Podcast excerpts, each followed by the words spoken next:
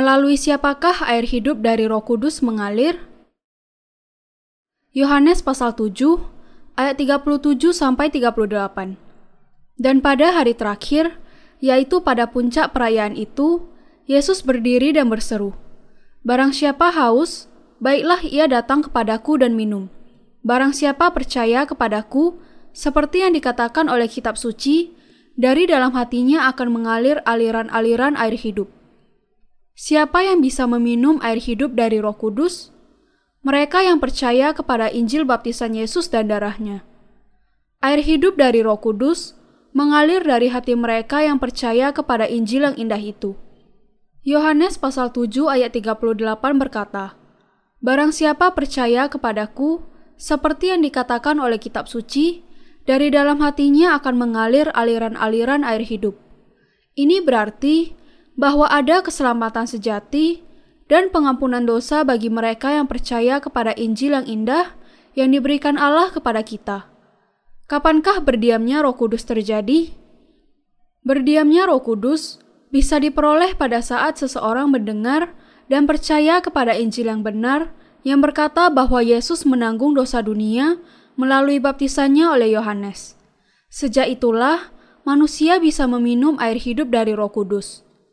Mereka yang percaya kepada ini memiliki Roh Kudus berdiam dalam kehidupan mereka dan bisa mengalami perasaan dalam kehidupan rohaninya bahwa air hidup mengalir menyegarkan dan melembutkan hati mereka yang kering setiap kali mereka mengabarkan atau mendengar firman Allah. Air hidup dari Roh Kudus mengalir dari hati mereka yang percaya kepada Injil air dan Roh yang berkata bahwa Tuhan datang ke dunia ini untuk menyelamatkan orang berdosa dari dosa-dosa mereka. Roh Kudus adalah kebenaran yang tidak bisa dipisahkan dari Injil air dan Roh dan berada di dalam orang-orang yang sungguh-sungguh percaya kepada firman Allah. Seseorang yang mau minum air hidup dari Roh Kudus harus menerima pengampunan dosa dengan percaya kepada Injil yang indah mengenai baptisan Yesus dan darahnya. Air hidup dari Roh Kudus ada di dalam hati mereka yang percaya kepada firman Allah. Orang-orang yang percaya kepada Injil air dan Roh memiliki air hidup dari Roh Kudus yang mengalir seperti sungai memancar dari hati mereka. Bahkan pada saat ini, air hidup dari Roh Kudus mengalir seperti mata air di dalam hati mereka yang sudah menerima pengampunan dosa dengan percaya kepada Injil yang indah tentang baptisan Yesus dan darahnya di kayu salib. Namun, tidak ada satu tetes pun air hidup dari Roh Kudus di dalam mereka yang tidak percaya kepada kebenaran Injil yang indah ini. Sebelum saya percaya dan mengakui Injil air dan roh, saya sama sekali tidak memiliki satu tetes pun air hidup dari roh kudus mengalir dari hati saya. Pada saat itu, meskipun saya sungguh-sungguh percaya Yesus, saya sama sekali tidak mengetahui pentingnya air hidup dari roh kudus karena saya tidak memiliki roh kudus di dalam hati saya. Sekarang, saya memiliki Injil air dan roh yang indah itu, dan air hidup dari roh kudus mengalir dengan bebas dari hati saya. Sekarang, air hidup dari Roh Kudus mengalir dari hati saya dan dari hati mereka yang mendengar dan percaya kepada firman Allah. Seperti yang dikatakan Yesus, barang siapa haus, baiklah ia datang kepadaku dan minum. Air hidup dari Roh Kudus akan menyegarkan orang lain dari orang-orang Kristen yang sudah dilahirkan kembali, yang percaya kepada Injil air dan Roh yang indah itu. Air hidup itu mengalir dari hati saya bersama dengan iman saya kepada Injil air dan roh saat ini juga, dan mengizinkan orang lain untuk meminumnya. Allah membiarkan air hidup dari roh kudus mengalir dari hati saya seperti sungai. Hal ini hanya dikenal oleh orang-orang yang didiami oleh roh kudus. Seperti yang tertulis dalam kitab Wahyu, yang tidak diketahui kecuali oleh mereka yang telah menerimanya, berdiamnya roh kudus dan air hidup merupakan suatu rahasia yang hanya diketahui oleh mereka yang tahu dan percaya kepada Injil air dan roh yang indah itu. Karena itu, Anda harus tahu di mana Roh Kudus berdiam. Anda harus tahu bahwa Roh Kudus berdiam hanya di dalam mereka yang percaya kepada Injil Yesus. Saya biasanya hanya percaya kepada darah di kayu salib itu. Meskipun saya percaya kepada darahnya di kayu salib selama 10 tahun, saya tetap memiliki dosa. Pada saat itu, saya percaya bahwa dosa-dosa saya hanya diampuni oleh darah Yesus. Namun, saya tidak bisa menerima pengampunan dosa yang sebenarnya dan juga tidak bisa menerima Roh Kudus berdiam di dalam hidup saya melalui kepercayaan seperti itu. Dan yang ada di dalam kehidupan saya hanyalah kebingungan dan kekosongan. Satu-satunya tanda kepercayaan saya kepada Yesus adalah karena saya selalu datang ke gereja. Pada saat itulah saya mulai mempertimbangkan lagi kepercayaan saya. Sudahkah saya sungguh-sungguh menerima Roh Kudus? Pertama kali saya percaya Yesus, hati saya dipenuhi dengan kasih kepadanya, dan saya bahkan bisa berkata-kata dalam bahasa roh. Tetapi apa yang terjadi kepada saya?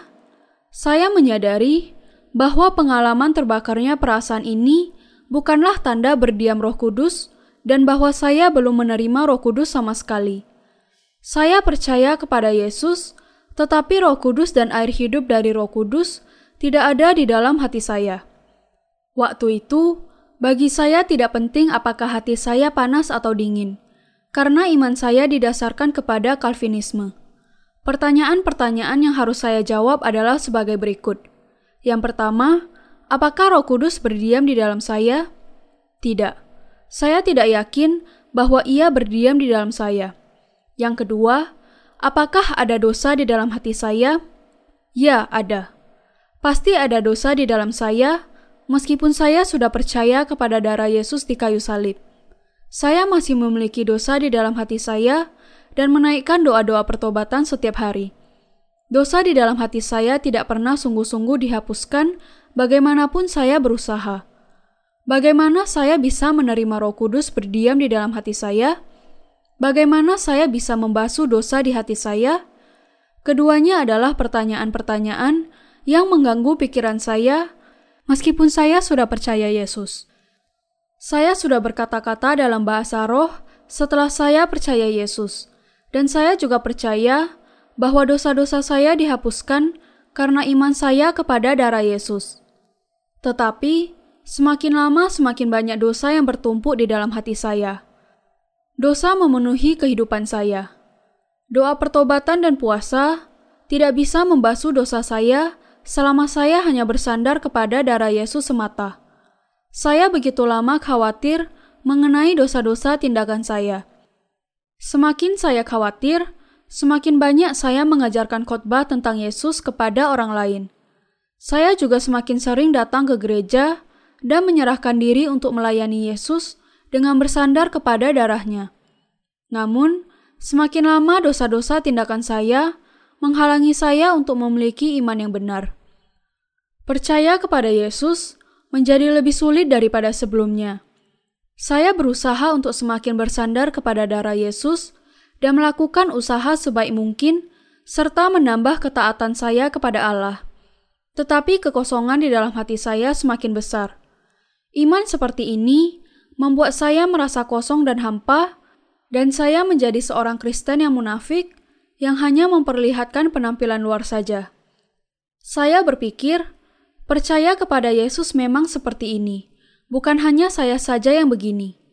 Saya berusaha menyangkal bahwa iman saya selama ini salah arah. Namun, darah Yesus dan doa-doa pertobatan tetap tidak bisa menghapus dosa tindakan saya. Lalu dengan iman bagaimana dosa-dosa tindakan saya bisa dihapuskan? Dosa-dosa tindakan saya hanya bisa dihapuskan melalui kepercayaan saya bahwa segala dosa saya ditanggungkan kepada Yesus pada waktu ia dibaptiskan di Sungai Yordan. Itulah yang tertulis di dalam Matius pasal 3 ayat 13 sampai 17. Lalu mengapa dosa-dosa tindakan saya tidak dihapuskan dengan darah Yesus? Saya tidak mengetahui dan tidak percaya kepada Injil yang indah itu yang mengandung makna tentang baptisan Yesus oleh Yohanes. Apakah itu berarti bahwa segala dosa dunia dibasuh melalui baptisan Yesus? Ya, itu benar. Alkitab memberi kesaksian tentang hal itu dengan berkata, Sesungguhnya jika seorang tidak dilahirkan dari air dan roh, ia tidak dapat masuk ke dalam kerajaan Allah. Yohanes pasal 3 ayat 3 sampai 5. Yesus datang ke dunia ini dan menerima segala dosa dunia melalui baptisannya oleh Yohanes. Saya masih meragukan hal ini dan membandingkan perjanjian lama dengan perjanjian baru untuk menjelaskan hal ini. Hasilnya adalah saya menemukan bahwa hal itu memang kebenaran. Segala dosa dunia ditanggungkan kepada Yesus pada waktu ia dibaptiskan dan dosa-dosa saya juga ditanggungkan kepadanya pada saat itu. Saya disucikan melalui iman saya kepada firman itu. Saya menyadari bahwa inilah firman kebenaran seperti yang tertulis di dalam Alkitab dan bahwa itu adalah Injil yang terindah di dunia ini. Kemudian, saya menyadari mengapa dosa-dosa saya tidak dihapuskan hanya melalui iman saya kepada darah Yesus saja. Alasannya adalah karena saya tidak bisa menyerahkan semua dosa tindakan saya kalau saya tidak mengetahui kebenaran baptisannya di Sungai Yordan. Akhirnya, saya menemukan kebenaran. Saya belajar bahwa Yesus datang ke dunia ini untuk saya dan bahwa ia menanggung segala dosa melalui baptisannya dan kemudian disalibkan untuk membebaskan kita dari segala dosa dunia. Saya juga tahu dan percaya kepada kebenaran bahwa tujuan baptisan Yesus dan darahnya di kayu salib adalah untuk menghapuskan dosa dunia. Sekarang, saya menjadi orang benar karena kepercayaan saya kepada Injil yang indah itu yang diberikan Yesus kepada kita dan karena segala dosa saya telah diampuni. Bukan doktrin gereja yang menghapuskan dosa saya, baptisan Yesus dan darahnya di kayu salib yang melakukannya. Kebenaran ini adalah Injil yang indah. Saya diselamatkan dari segala dosa saya dan menjadi orang benar, bukan hanya karena kepercayaan saya kepada darah Yesus saja, tetapi melalui iman saya bahwa baptisan Yesus dan darahnya di kayu salib adalah demi keselamatan saya. Satu hal lain yang perlu saya syukuri adalah bahwa Allah Roh Kudus datang kepada saya setelah saya mulai percaya kepada Injil yang indah itu. Sekarang, Roh Kudus berdiam di dalam saya bersama-sama dengan firman baptisan Yesus oleh Yohanes dan darahnya di kayu salib. Saya bersyukur kepada Tuhan yang memberikan kepada saya Injil yang indah itu dan memampukan saya mengabarkan Injil yang sama dengan Injil para rasul. Allah memberikan anugerah Roh Kudus kepada saya, meskipun yang saya lakukan hanyalah percaya kepada Injil yang indah itu. Sekarang, saya bisa menyampaikan khotbah saya dengan keyakinan dan penghargaan yang tinggi kepada semua manusia di dunia. Dengan yakin, saya bisa mengatakan bahwa hanya percaya kepada darah Yesus tidak akan menghapuskan dosa mereka. Tetapi saya bisa mengatakan kepada mereka bahwa segala dosa mereka pasti akan dibasuh hanya kalau mereka percaya kepada Injil yang indah itu yang mengajarkan mengenai baptisan Yesus oleh Yohanes dan darahnya di kayu salib. Saya sama sekali tidak malu di hadapan Allah pada saat saya mengabarkan Injil yang indah itu. Saya bisa dengan bangga mengabarkan Injil yang indah mengenai dilahirkan kembali dari air dan roh kepada semua manusia di seluruh dunia. Saya bersyukur kepada Allah. Saya bersyukur kepada Allah yang mengizinkan saya minum air hidup dari Roh Kudus dengan memberikan kepada saya Injil air dan roh. Uji klinis menunjukkan bahwa Injil yang benar adalah Injil air dan roh. Sudahkah Anda sungguh-sungguh menerima pengampunan dosa dan berdiamnya roh kudus? Bagaimana Anda bisa tahu bahwa Injil yang Anda percayai adalah Injil yang benar? Suatu saat, saya mengadakan sebuah ujian kepada orang-orang yang mau percaya kepada Injil yang indah yang diberikan Yesus kepada kita. Kepada satu dari mereka, saya hanya mengajarkan mengenai darah Yesus di kayu salib. Saya juga mengatakan kepadanya bahwa seharusnya tidak ada dosa di dalam Yesus Kristus. Kepada orang yang lainnya, saya mengajarkan Injil yang indah tentang baptisan Yesus dan darahnya di kayu salib. Hasilnya adalah orang yang menerima pengampunan dosa dengan percaya kepada darah Yesus saja, berkata bahwa ia harus terus-menerus diampuni untuk dosa-dosa tindakannya. Tetapi orang yang percaya kepada Injil yang indah tentang baptisan Yesus dan darahnya, berkata bahwa ia sudah menjadi orang yang sungguh-sungguh tidak berdosa. Ia berkata bahwa ia tidak memiliki dosa di dalam hatinya karena ia percaya kepada kebenaran bahwa Yesus menanggung segala dosanya dan dihakimi untuknya. Ia juga bisa menerima Roh Kudus dari Allah karena ia percaya kepada Injil yang indah itu yang berkata bahwa baptisan Yesus oleh Yohanes membasuh segala dosa dunia. Alasan mengapa orang itu bisa mengatakan bahwa ia tidak lagi memiliki dosa adalah karena ia sudah menerima Roh Kudus di dalam hatinya melalui kepercayaan kepada Injil yang indah itu. Roh Kudus memberikan kepadanya keyakinan untuk mengatakan bahwa ia tidak lagi memiliki dosa di dalam hatinya. Allah memberikan didiami oleh Roh Kudus orang-orang yang percaya kepada baptisan Yesus dan darahnya di kayu salib. Di dalam siapakah Roh Kudus berdiam? Roh Kudus diberikan sebagai anugerah kepada mereka yang percaya di dalam Injil yang indah itu tentang baptisan Yesus dan darahnya di kayu salib. Dengan melihat fenomena luar biasa yang terjadi di hari Pentakosta, menyebabkan banyak orang salah paham mengenai kebenaran tentang menerima Roh Kudus dan mengabaikan Injil yang indah itu. Banyak orang berpikir bahwa kalau mereka sungguh-sungguh berdoa dan mencari Roh Kudus, mereka akan mampu menerima berdiamnya Roh Kudus.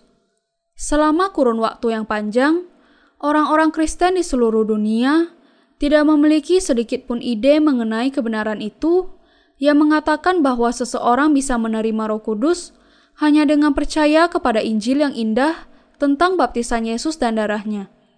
Tetapi sekarang, banyak hamba Tuhan yang sudah menerima berdiamnya Roh Kudus melalui kepercayaan kepada Injil air dan Roh, mengabarkan Injil itu dengan pertolongan Roh Kudus. Sebagai hasilnya, banyak orang di seluruh dunia sudah mulai mengerti dan menerima Injil yang indah itu dan menerima berdiamnya Roh Kudus. Allah mengizinkan mereka yang percaya kepada Injil yang indah itu untuk memiliki pengalaman berdiamnya Roh Kudus. Dalam Alkitab dikatakan, akan terjadi pada hari-hari terakhir. Demikianlah firman Allah, bahwa aku akan mencurahkan rohku ke atas semua manusia. Kisah para Rasul pasal 2 ayat 17. Tetapi, orang harus tahu bahwa berusaha menerima berdiamnya roh kudus tanpa mengetahui Injil yang indah itu adalah suatu kesalahan. Tidak ada cara lain untuk menerima berdiamnya Roh Kudus selain percaya kepada baptisan Yesus oleh Yohanes dan darahnya di kayu salib. Karena Allah berkata bahwa seseorang bisa masuk ke dalam kerajaan surga hanya kalau ia dilahirkan kembali melalui air dan roh dan hanya orang yang dilahirkan kembali yang memiliki anugerah Roh Kudus. Maka tidak diragukan lagi bahwa setiap orang memerlukan berdiamnya Roh Kudus agar dapat masuk ke dalam kerajaan surga. Bagaimana Anda bisa berpikir mengenai menerima Roh Kudus atau masuk ke dalam kerajaan surga tanpa percaya kepada Injil air dan Roh? Tidak ada jalan lain ke surga selain dengan percaya kepada Injil yang indah itu. Anda bisa menerima Roh Kudus hanya dengan percaya kepada Injil baptisan Yesus dan darahnya. Sama seperti kita memberikan uang untuk membeli sesuatu, kita menerima berdiamnya Roh Kudus pada saat kita percaya kepada Injil yang indah itu. Saya mau mengatakan bahwa kalau Anda sungguh-sungguh mau menerima berdiamnya Roh Kudus, pertama-tama Anda harus tahu dan percaya kepada Injil air dan Roh. Kemudian, Anda akan memiliki pengalaman menerima Roh Kudus. Anda bisa menerima berdiamnya Roh Kudus dengan percaya kepada Injil air dan Roh yang indah itu. Allah mau memberikan kepada Anda Roh Kudus yang berdiam di dalam Anda. Saya percaya kepada Injil yang indah itu, dan dengan berlalunya waktu, saya semakin yakin bahwa inilah Injil yang indah yang diberikan kepada saya oleh Allah, dan merupakan hal yang paling indah dan paling berharga di seluruh dunia. Saya sungguh-sungguh merasa bersyukur kepada Allah. Apakah Anda memiliki perasaan yang sama? Kami menyadari bahwa kami yang sudah menerima Roh Kudus benar-benar diberkati Allah secara luar biasa. Saya memberikan pengajaran kepada Anda mengenai bagaimana Anda bisa menerima berdiamnya Roh Kudus dengan percaya kepada Injil yang indah itu. Manusia hanya bisa layak menerima berdiamnya Roh Kudus dengan menerima Injil yang indah yang diberkati mengenai dilahirkan kembali dari air dan roh. Dalam Yohanes pasal 7 ayat 38, Yesus berkata, Barang siapa percaya kepadaku, seperti yang dikatakan oleh kitab suci, dari dalam hatinya akan mengalir aliran-aliran air hidup. Ini berarti bahwa orang-orang yang menerima pengampunan dosa dengan percaya kepada Injil yang indah yang diberikan Yesus memiliki berdiamnya Roh Kudus. Air hidup dari Roh Kudus akan mengalir seperti air dari hati mereka. Orang-orang yang percaya kepada Injil yang indah itu akan memiliki pengalaman mengalirnya air hidup rohani. Meskipun saya percaya sungguh-sungguh kepada Yesus, sebelum saya dilahirkan kembali melalui Injil air dan roh, tidak ada air hidup dari roh kudus di dalam hati saya. Namun, setelah saya percaya di dalam Injil air dan roh yang indah itu, air hidup mulai mengalir dengan bebas dari hati saya, seperti yang tertulis di dalam Alkitab. Bahkan saat ini, air hidup dari Roh Kudus mengalir bersama dengan Injil air dan Roh yang diberikan Allah kepada saya. Air hidup dari Roh Kudus mengalir dengan berkelimpahan dari hati saya sepanjang tahun. Saya mulai melakukan tugas penginjilan, mengabarkan Injil yang indah itu setelah saya menerima berdiamnya Roh Kudus. Pengakuan iman saya setelah percaya kepada Injil yang indah itu dan menerima berdiamnya Roh Kudus. Saat itu, tepat sebelum musim gugur, waktu saya berusia 20-an tahun. Musim gugur itu secara khusus membuat saya berpikir mengenai tidak terhindarkannya kematian saya. Kehidupan saya tahun itu diwarnai dengan kebingungan, kekosongan, dan kegelapan karena dosa di dalam hati saya. Saya melangkah ke arah yang salah dan tidak tahu bagaimana kembalinya. Tubuh saya menderita sakit bersamaan dengan kekosongan hati yang semakin bertambah.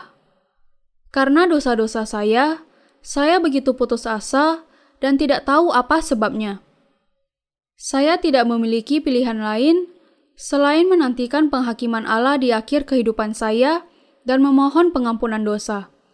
Oh Tuhan, saya mau menerima pengampunan dosa melalui iman kepadamu sebelum saya mati. Juga, tolong sembuhkan penyakit saya. Saya berdoa dan berdoa. Saat itu juga, harapan yang baru mulai memancar dari hati saya yang putus asa. Hati saya dipenuhi dengan kerinduan kepada Allah, dan saya merasakan kerinduan itu begitu panas. Tetapi itu bukan perasaan putus asa, tetapi harapan yang baru yang membara seperti api yang menyala di dalam hati saya. Sejak hari itu, saya memulai kehidupan rohani saya dengan percaya bahwa Yesus mati di kayu salib untuk menyelamatkan saya dari dosa-dosa saya. Tidak lama kemudian, saya mendapatkan pengalaman berkata-kata dalam bahasa roh. Lalu saya menangis setiap kali saya berpikir mengenai darah Yesus yang dicurahkan di kayu salib. Saya bersyukur bahwa ia mencurahkan darahnya di kayu salib bagi saya. Setelah kejadian itu, saya meninggalkan kehidupan lama saya dan memulai pekerjaan baru yang bisa membuat saya ke gereja setiap hari Minggu. Saat itu, hati saya dipenuhi dengan kasih kepada Yesus, dan ucapan syukur saya berlimpah setiap kali saya merasa bahwa Yesus mencurahkan darahnya di kayu salib untuk menyelamatkan dari dosa saya. Kerohanian saya mulai bertumbuh, tetapi hanya berdasar kepada firman tentang darah Yesus di kayu salib. Tetapi lama-kelamaan, kehidupan rohani saya mulai diganggu dengan penderitaan karena kelemahan dan dosa-dosa tindakan saya. Semua dosa tindakan saya tidak sepenuhnya dihapuskan karena saya hanya percaya kepada darahnya di kayu salib saja. Saya berusaha menghapuskan dosa tindakan saya melalui doa pertobatan. Tetapi doa-doa yang saya naikkan untuk mendapatkan pengampunan dari Allah tidak juga bisa menghapus dosa-dosa tindakan saya. Semua itu karena saya tidak bisa mentaati hukum Allah. Dosa-dosa tindakan saya mulai menumpuk. Meskipun dosa-dosa saya tidak sepenuhnya dihapus melalui doa pertobatan saya, saya tidak memiliki pilihan lain kecuali meneruskan doa semacam itu. Saya percaya bahwa setiap kali saya berdosa, saya bisa menghapus dosa saya itu melalui doa pertobatan dan berpikir mengenai darahnya di kayu salib. Semakin saya menjalani kehidupan rohani saya, semakin menumpuk dosa-dosa karena kelemahan saya. Penderitaan saya semakin bertambah karena dosa-dosa saya. Saya menjadi orang Kristen Farisi, dan saya ditunjuk menjadi diakon dan kemudian menjadi penginjil, meskipun di dalam hati saya ada beban dosa yang begitu besar.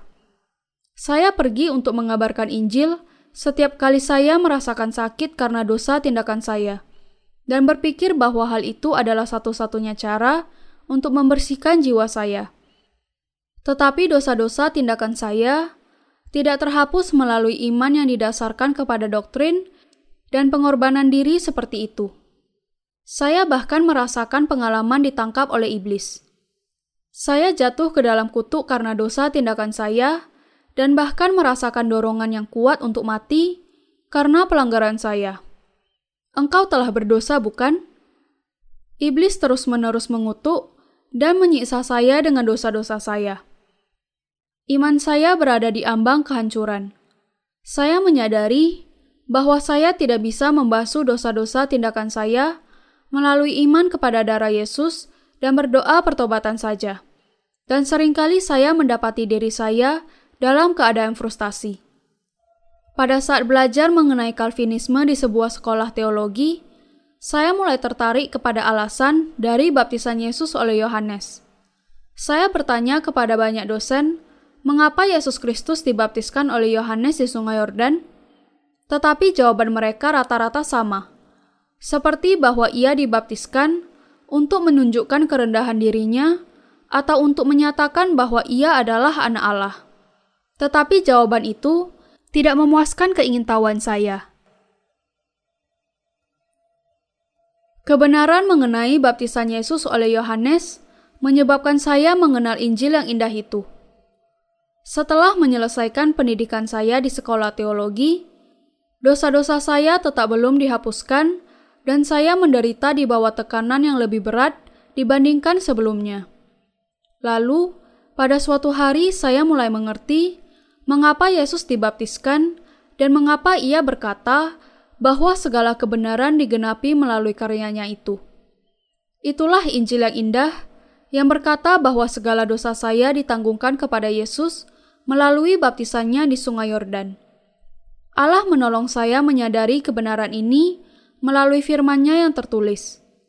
Setelah membaca dan membaca lagi firman Allah yang menuliskan mengenai Injil yang indah itu, akhirnya saya menyadari kebenaran bahwa segala dosa saya telah diserahkan kepada Yesus melalui baptisannya oleh Yohanes dan bahwa ia dihakimi karena dosa-dosa itu di atas kayu salib. Itulah saatnya saya menyadari bahwa berdiamnya Roh Kudus sudah sungguh-sungguh terjadi dalam kehidupan saya. Segala dosa saya sudah sungguh-sungguh diampuni setelah saya mengerti dan percaya kepada Injil yang indah itu. Dosa-dosa yang menjatuhkan saya ke dalam perasaan frustasi dan putus asa sudah dibasuh sepenuhnya dengan kuasa Injil yang indah itu. Dosa-dosa yang tidak pernah bisa dihapus melalui pengorbanan diri dan doa pertobatan yang tidak henti-hentinya sepenuhnya dihapuskan sekaligus. Saya sungguh-sungguh bersyukur kepada Allah. Saya mengatakan yang sebenarnya ketika saya berkata bahwa segala dosa dunia tidak bisa dibasuh hanya melalui darah Yesus di kayu salib. Baptisan Yesus oleh Yohanes juga memimpin kepada pengampunan dosa. Sekarang, semua orang harus memahami dan percaya bahwa segala dosa sudah dibasuh karena Injil air dan roh yang indah itu. Roh Kudus berdiam di dalam hati saya karena saya percaya kepada Injil air dan roh yang indah itu yang memberi kesaksian dari firman Allah di mana ia menyaksikan tentang anaknya sudah cukup untuk menghilangkan segala dosa dari hati saya. Saya menerima roh kudus seperti seekor burung merpati sebagai hasil dari kepercayaan saya kepada Injil yang indah itu. Sejak hari itu, Roh Kudus bekerja di dalam hati saya, memampukan saya untuk melakukan pekerjaan-pekerjaan rohani saya. Dengan kata lain, untuk memberitakan Injil yang indah itu. Sekarang, tidak ada lagi dosa di dalam hati saya.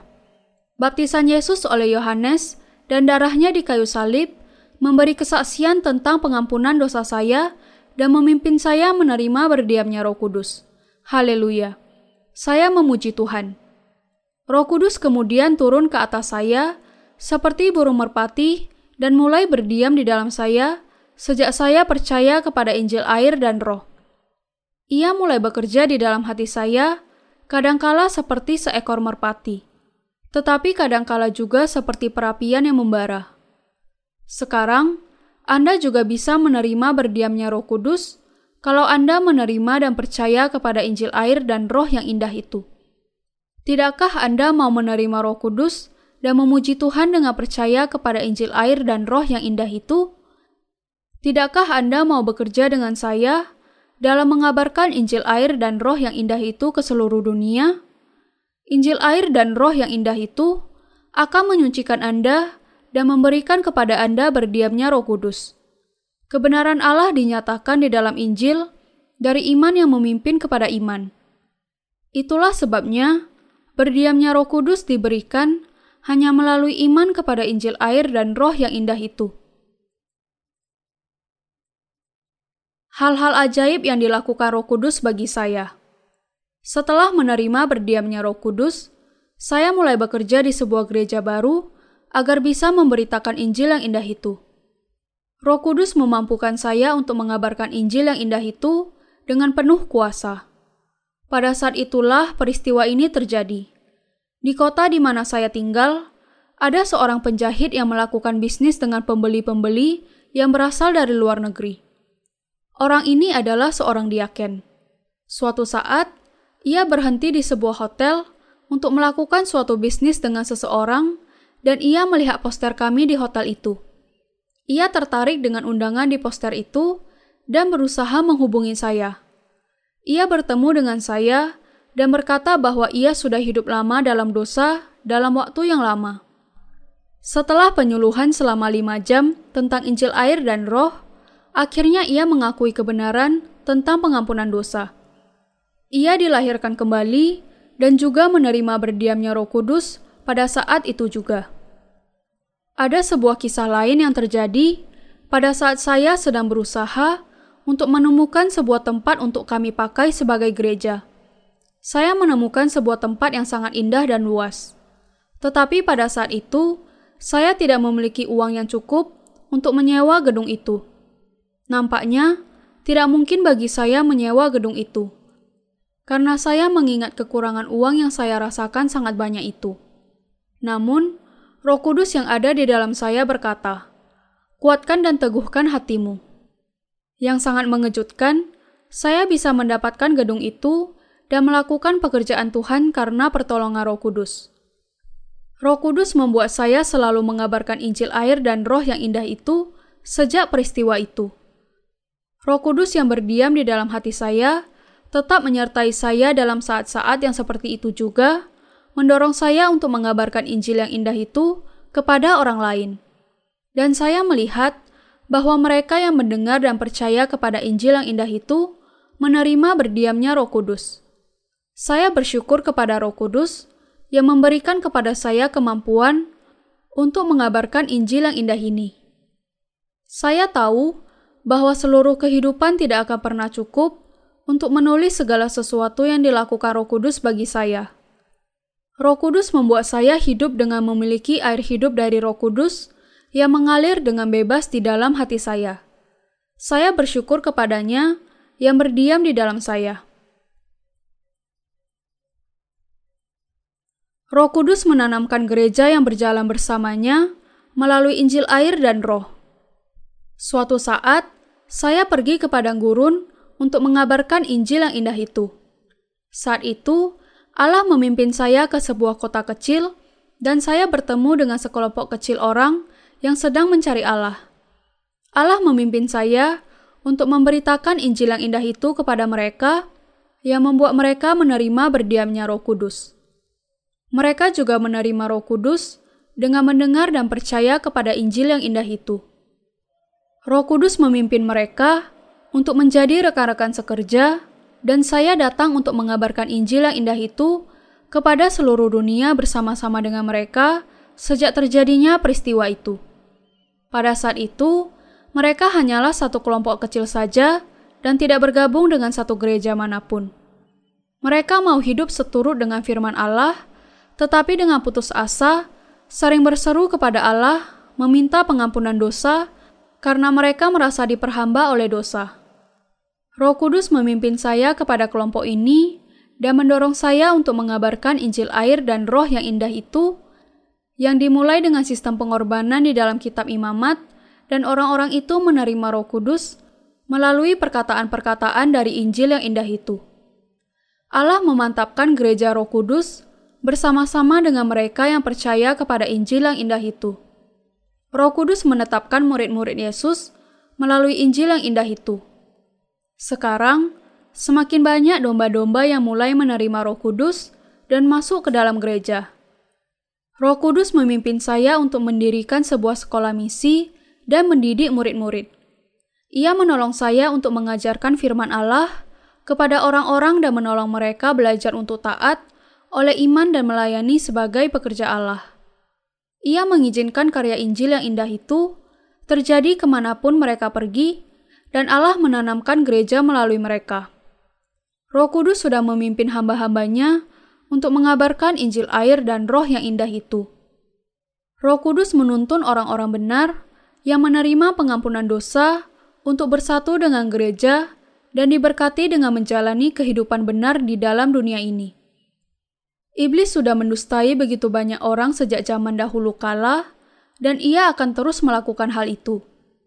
Iblis berkata bahwa orang-orang bisa menerima Roh Kudus melalui doa pertobatan, puasa, dan penumpangan tangan. Hal itu sama sekali tidak benar manusia tidak bisa menerima Roh Kudus melalui doa pertobatan dan penumpangan tangan. Mereka hanya bisa menerima Roh Kudus kalau mereka diampuni dari segala dosa mereka dengan percaya kepada Injil air dan Roh yang diberikan Allah kepada kita. Ini makna sebenarnya dari berdiamnya Roh Kudus. Roh Kudus terus-menerus memimpin murid-murid Yesus untuk mengabarkan Injil air dan Roh yang indah itu untuk menolong orang lain menerima berdiamnya Roh Kudus. Roh Kudus memimpin kami melakukan pelayanan literatur ke seluruh dunia. Sama seperti Paulus meninggalkan Injil yang indah itu di dalam surat-suratnya, Roh Kudus berdiam di dalam hati saya, menjadi dorongan bagi saya untuk mengajarkan dan mengabarkan Injil air dan roh yang indah itu dalam bentuk tulisan. Inilah alasannya mengapa saya menulis buku-buku Kristen yang berisikan Injil yang indah itu yang memimpin orang percaya untuk menerima Roh Kudus. Mula-mula, kami memulai dengan traktat kecil yang hanya berisi beberapa halaman. Tetapi kemudian, buku-buku kami mengenai Injil yang indah itu tersebar ke seluruh dunia. Roh Kudus berdiam di dalam saya, memimpin semakin banyak orang untuk datang ke gereja setelah menerima pengampunan dosa melalui membaca buku-buku itu dan percaya kepada Injil yang indah itu. Kemudian, ia memimpin kami untuk mengabarkan Injil yang indah itu ke dalam berbagai bahasa. Ia memimpin kami untuk mengabarkan Injil yang indah itu ke sekitar 150 negara di seluruh dunia, termasuk Amerika Serikat. Roh Kudus mendorong gereja untuk berdoa bagi misi dunia dan memimpin kami untuk menerjemahkan Injil yang indah itu ke dalam berbagai bahasa dan mengabarkannya melalui literatur supaya orang dari berbagai negara bisa mendengar dan percaya. Roh Kudus memimpin kami untuk bekerja sama dengan murid-murid yang baru di negara-negara lain dan mengabarkan Injil yang indah itu di negara mereka. Saya sangat bersyukur kepada Roh Kudus. Roh Kudus memenuhi saya dengan semangat untuk mengabarkan Injil ke Rusia. Roh Kudus memimpin kami untuk berdoa dan memberikan kepada kami kesempatan untuk bertemu dengan seorang penginjil Rusia yang sedang mencari kebenaran dan mengabarkan Injil yang indah itu kepada mereka. Itulah pertama kalinya mereka mendengar tentang Injil yang indah itu. Lalu mereka menerima Roh Kudus, sama seperti kami, setelah mendengar dan percaya kepada Injil air dan Roh yang indah itu. Satu dari mereka, seorang dosen di sebuah universitas negeri di Moskow, memberikan pengakuan ini kepada saya setelah mendengar mengenai Injil air dan Roh yang indah itu. Saya sungguh-sungguh percaya kepada Allah selama enam tahun, tetapi saya percaya tanpa mengenalnya. Namun, setelah mendengar tentang Injil air dan Roh yang indah itu, saya memiliki iman yang kuat dan keyakinan yang teguh di dalam hati saya. Saya sungguh-sungguh bersyukur kepada Tuhan. Selama ini, saya berpikir bahwa saya menjalani kehidupan iman yang benar. Kehidupan rohani saya berkisar kepada kepercayaan saya kepada darah Yesus yang mati bagi dosa-dosa kita. Tetapi saya tidak tahu bahwa Allah telah membasuh segala dosa saya. Kemudian, saya bertemu dengan seorang hamba Tuhan yang telah dilahirkan kembali dan mendengar mengenai Injil yang indah yang diberikan Allah kepada kita. Dan saya mengerti bahwa saya masih berdosa. Saya berusaha mengetahui lebih banyak lagi tentang Injil yang indah itu dan juga mengenai keadaan orang benar. Saya menyadari bahwa segala dosa saya ditanggungkan kepada Yesus pada waktu ia dibaptiskan. Itu adalah Injil yang sangat indah. Saya menyadari bahwa bukan hanya dosa asal saya, tetapi juga dosa tindakan dan dosa-dosa masa depan saya ditanggungkan kepadanya melalui baptisannya. Saya mendapatkan kebahagiaan yang sangat besar karena dilahirkan kembali melalui mendengar dan percaya kepada Injil kebenaran itu. Banyak orang Rusia, termasuk dosen itu, menerima Roh Kudus dengan mendengar dan percaya kepada Injil air dan Roh yang indah itu.